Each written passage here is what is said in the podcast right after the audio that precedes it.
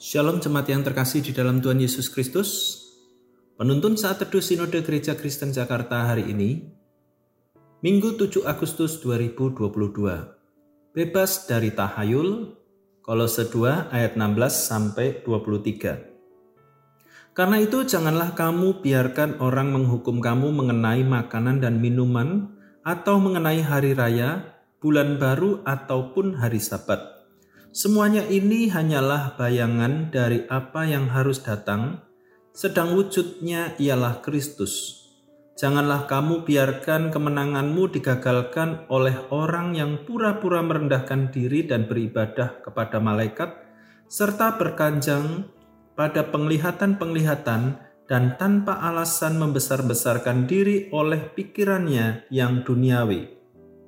Sedang ia tidak berpegang teguh kepada kepala, dari mana seluruh tubuh yang ditunjang dan diikat menjadi satu oleh urat-urat dan sendi-sendi menerima pertumbuhan ilahinya.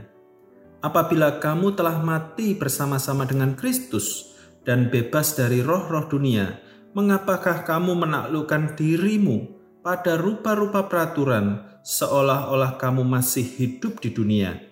Jangan jamah ini jangan kecap itu, jangan sentuh ini. Semuanya itu hanya mengenai barang yang binasa oleh pemakaian dan hanya menurut perintah-perintah dan ajaran-ajaran manusia. Peraturan-peraturan ini, walaupun nampaknya penuh hikmat dengan ibadah buatan sendiri, seperti merendahkan diri, menyiksa diri, tidak ada gunanya selain untuk memuaskan hidup duniawi.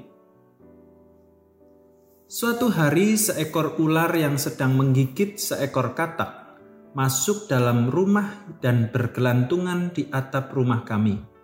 Rumah kami beratap rumbia, dan di tengah rumah ada ruang terbuka sampai ke atas atap. Pohon di samping rumah yang membuat ular itu bisa merayap masuk ke rumah kami Katak yang tergigit itu masih hidup. Ia mengeluarkan suara yang memelas. Saya yang merasa terganggu bersiap mengambil sesuatu untuk menghajar ular itu.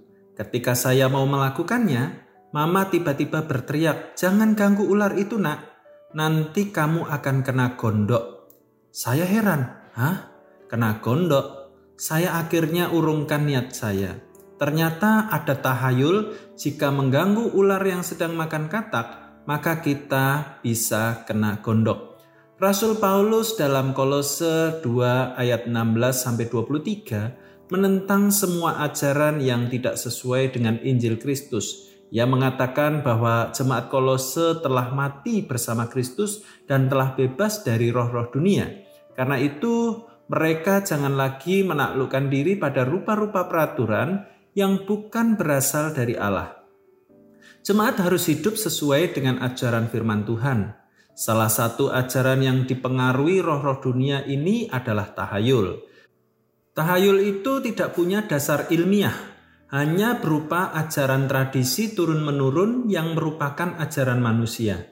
Tahayul juga bisa ditunggangi kuasa kegelapan sehingga membuat orang jadi takut saat tidak menurutinya.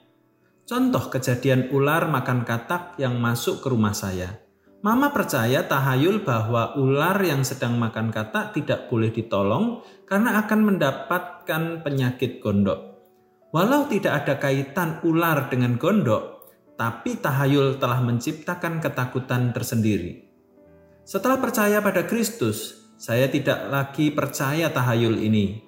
Suatu hari, ketika saya bertemu dengan ular yang sedang makan katak, saya langsung memburunya tanpa takut lagi. Orang percaya dengan latar belakang tradisi Tionghoa mewarisi banyak tahayul. Tahayul pada waktu hari raya Imlek, tahayul di masa perkabungan, pernikahan, masuk rumah baru, dan lain-lain. Sebagai orang yang telah menyerahkan diri dan percaya pada Kristus, kita harus meninggalkan segala bentuk tahayul yang tidak sesuai dengan kebenaran firman Tuhan.